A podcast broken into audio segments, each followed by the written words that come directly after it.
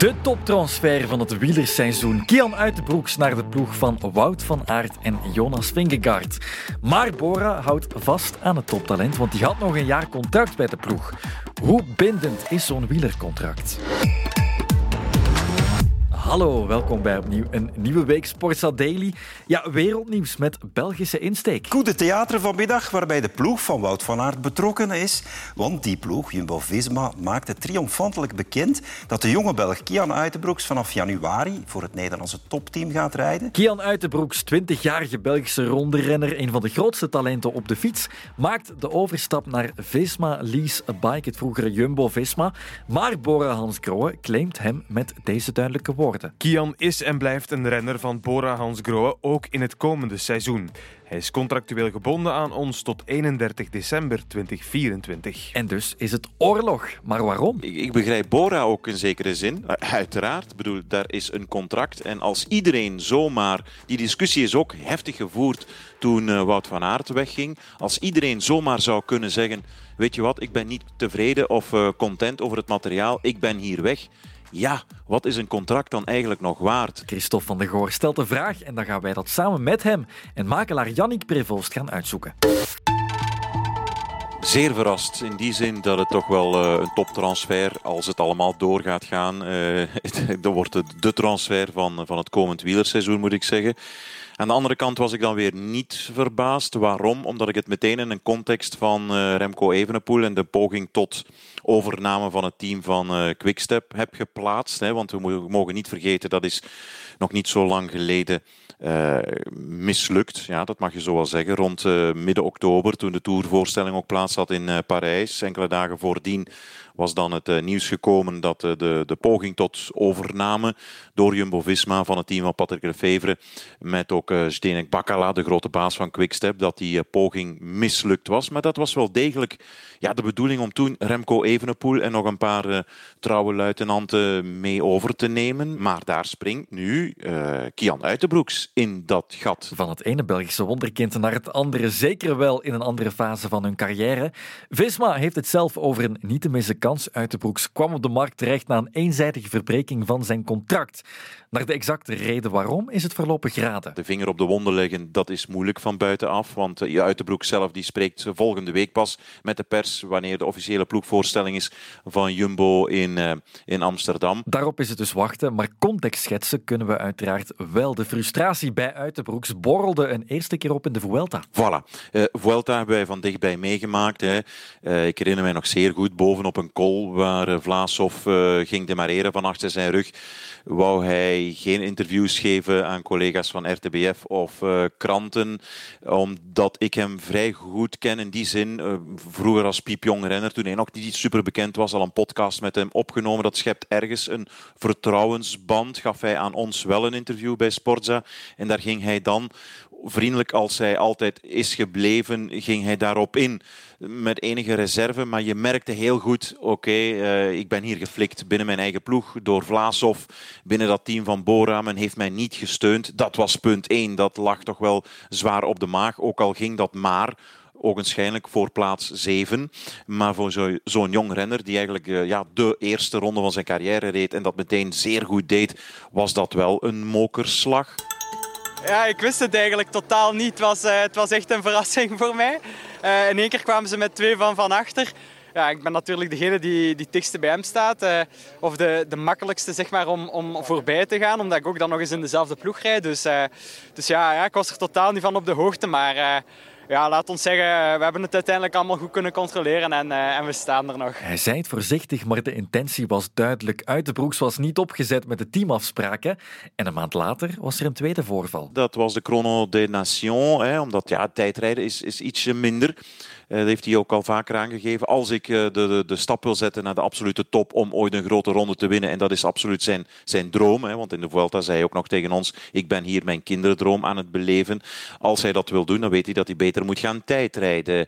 Uh, nochtans, de specialized fietsen, die gelden als een van de beste ter wereld.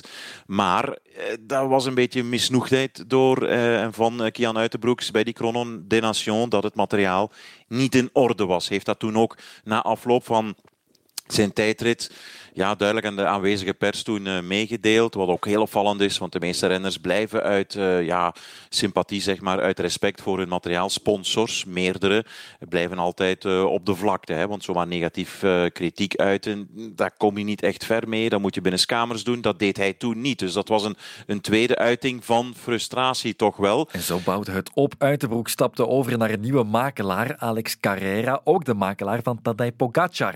Even later was daar de waar Bora het dus niet mee eens is. En volgens wielerjournalist Raymond Kerkhoff, zo'n wielerflits, eist Bora nu een afkoopsom van 1 miljoen euro. Oh nee, eerlijk gezegd, uh, hoe dat ik dat nu zie uh, en de ervaring die we hebben, denk ik dat dat wel een uh, zeer, zeer hoog bedrag is, te vragen. Dat hoor je van Yannick Prevost.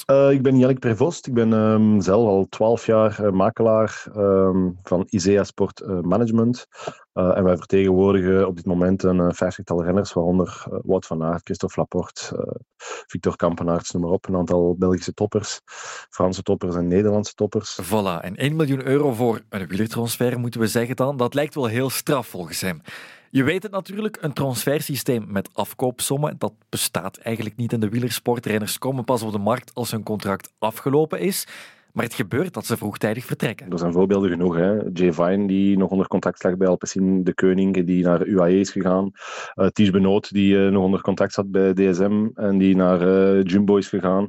Dus het gebeurt wel in, in het milieu. Um, nu, de manier waarop dat nu gebeurd is en de communicatie er rond is wel opmerkelijk. Um, maar ja, heel ongewoon is dat niet in het milieu. Dan willen wij weten hoe je onder normale omstandigheden onder zo'n wielercontract uitkomt. Nu, er zijn verschillende manieren. om, uh, het gaat over een arbeidsovereenkomst. Dus uh, er zijn verschillende manieren om een arbeidsovereenkomst te verbreken. Uh, manier van spreken, de, de meest gewone manier is in, in onderling overleggen. Uh, minderlijke regeling treffen. iedereen gaat ermee akkoord. We bepalen een verbrekingsvergoeding als dat van toepassing is. en we tekenen in, bij ons dan meestal een, een tripartite. dat is de akkoord van de werknemer, de werkgever en dan ook de UCI, want die moeten daar ook natuurlijk eh, akkoord mee gaan. Dat is de meest klassieke manier hè, en ook de, meest, uh, de beste manier uh, om, om, om de arbeidsovereenkomst te verbreken. Maar natuurlijk, ja, gezien de omstandigheden, en ik ken natuurlijk de omstandigheden niet van buiten van, van het dossier van Kian. Hè. Ik vertegenwoordig Kian niet. Dus uh, ik ken de details er ook niet van, maar ja, het ziet er naar uit dat ze de, de arbeidsovereenkomst eenzijdig hebben verbroken. Um, en dan is het natuurlijk wel uh, kijken hoe dat je eruit komt. Hè. Dat doet ons natuurlijk aan een ander geval denken. Maar dan moeten wij als verslaggever op een afstand altijd proberen te peilen naar wat is hier dan de, de dringende reden. Hè? Zoals bijvoorbeeld de, de, vergelijking die we maken met Wout van Aert destijds in het team van, van Nick Nuyens. Dan moeten we terug naar 18 september 2018. Wout van Aert verbrak zijn contract bij de ploeg van Nick Nuyens Sniper Cycling. Dat was de holding boven wielerteam Verandas Willems Krelan en veldritploeg Krelan Charle. In september van dit jaar verbreekt Wout van Aert zijn contract met Sniper Cycling, het bedrijf achter de ploeg van Nick Nuyens. Van Aert gaat vervolgens even verder met een zelf opgerichte eenmansploeg in het veld. Hij onderhandelt succesvol met het wegteam van Jumbo-Visma, maar ligt ook nog in juridisch conflict met Sniper Cycling, omdat die de contractbreuk niet aanvaarde.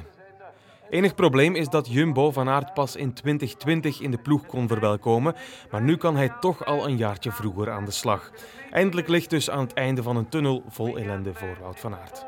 Ik denk dat als renner altijd liefst in de krant komt met prestaties. En uh, ja, nu kwam er uh, veel meer in de krant dat niet over sportieve dingen ging. En dat is, was het ook nog eens moeilijk dat ik ja, het leuke nieuws nog niet kon bevestigen nu ik dat wel kan doen, eh, geeft toch wel een opgelucht gevoel. Perfectionist als hij toen al was, Wout van Aert, en nog altijd is, niet helemaal tevreden over ja, de samenwerking, het professionalisme, het, het materiaal. Er zat al heel snel ruis op de lijn met de sportief manager Nick Nuyens. Um, was dat dan een dringende reden? De rechtbank um, in, in eerste aanleg die had toen Van Aert over de ganse lijn gelijk gegeven, maar het Antwerpse arbeidshof, ik ben het nog eens even gaan opzoeken, in beroep, die oordeelde daar anders over. En die heeft toen um, het geoordeeld dat de lopende verbindenis van Van Aert met um, Nick Nuyens, zijn bedrijf en zijn ploeg, niet werd gerespecteerd. En Wout van Aert heeft meer dan 600.000 euro um, schadevergoeding moeten betalen, hè,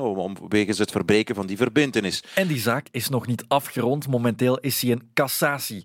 Zoeken we in het geval van Kian Uitenbroeks dan ook naar die dringende reden voor de contractbreuk? De dringende reden is een, een hele andere manier om een arbeidsovereenkomst te verbreken. Wij hebben dat destijds ook ingeroepen met het dossier van, van Wout van Aert. Uh, daar ga je ervan uit dat er iets gebeurd is uh, tijdens de samenwerking uh, die de samenwerking onmogelijk maakt. natuurlijk, zo'n dringende reden, reden, moet ook altijd bevestigd worden of aangetoond worden via de rechtbank dan.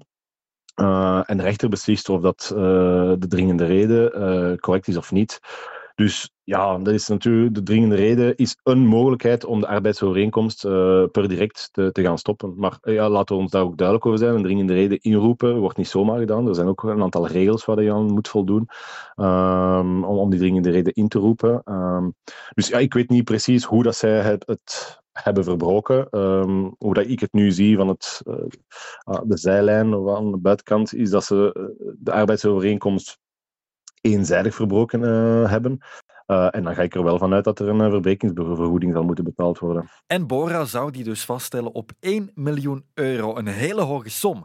Waarop wordt die afkoopsom dan gebaseerd? Wel, het principe van het arbeidsrecht is altijd geweest, en dat is eigenlijk ook het contractueel principe.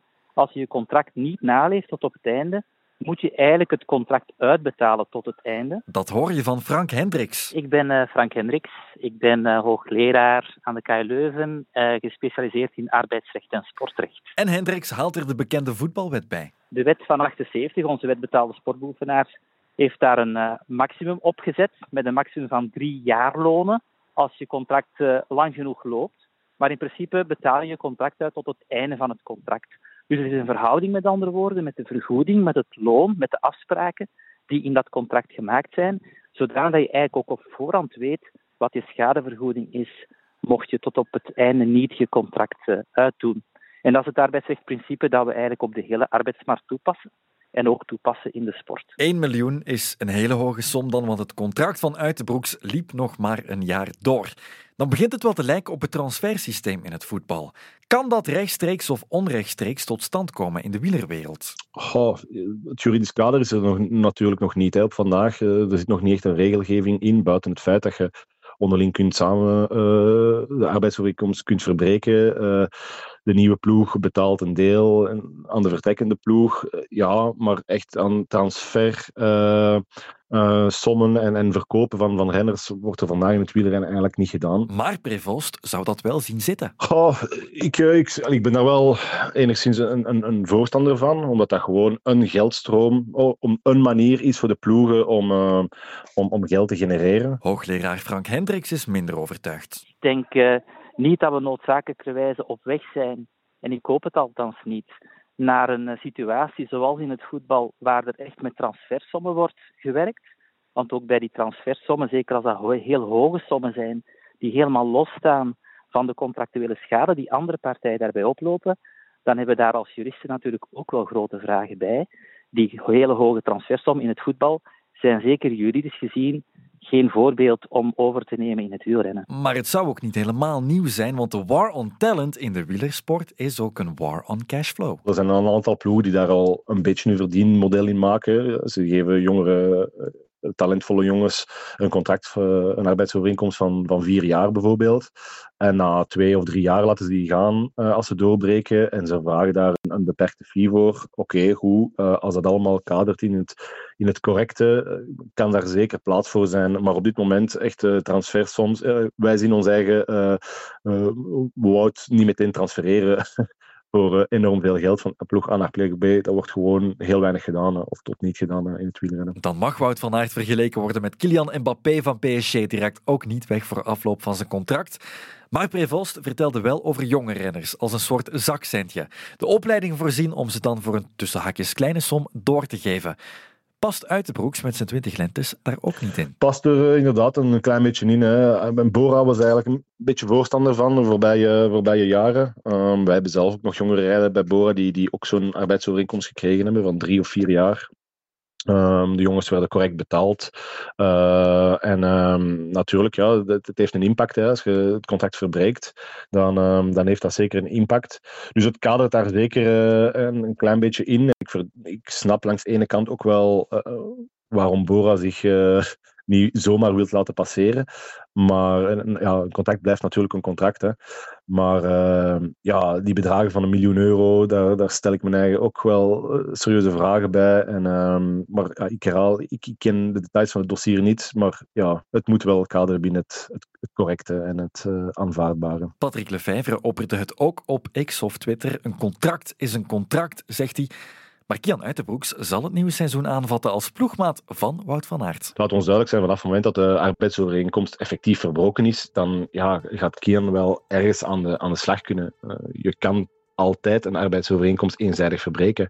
Uh, ja, dus ik, ik, twijfel niet aan het feit dat hij uh, het seizoen zal starten bij, bij Jumbo. Uh, maar het zal eerder zijn van hoe sluit ik mijn uh, vorige arbeidsovereenkomst met Bora zo, zo goed mogelijk af. Hè. En als daar een juridisch proces uh, aan gekoppeld is, zal dat nog uh, een aantal maanden, misschien jaren duren voordat ze eruit zijn. Voilà, Kian Uitenbroeks maakt deel uit van de transfersaga, maar hij zal aantreden voor Visma Lease Bike in 2024. Het zal een staartje krijgen, dat weten we wel zeker. Misschien met een hoge transfersom, misschien met een lange rechtszaak en misschien tekent het een perspectief voor een nieuw transfersysteem in het wielrennen. Tot morgen voor een nieuwe Sportsa Daily.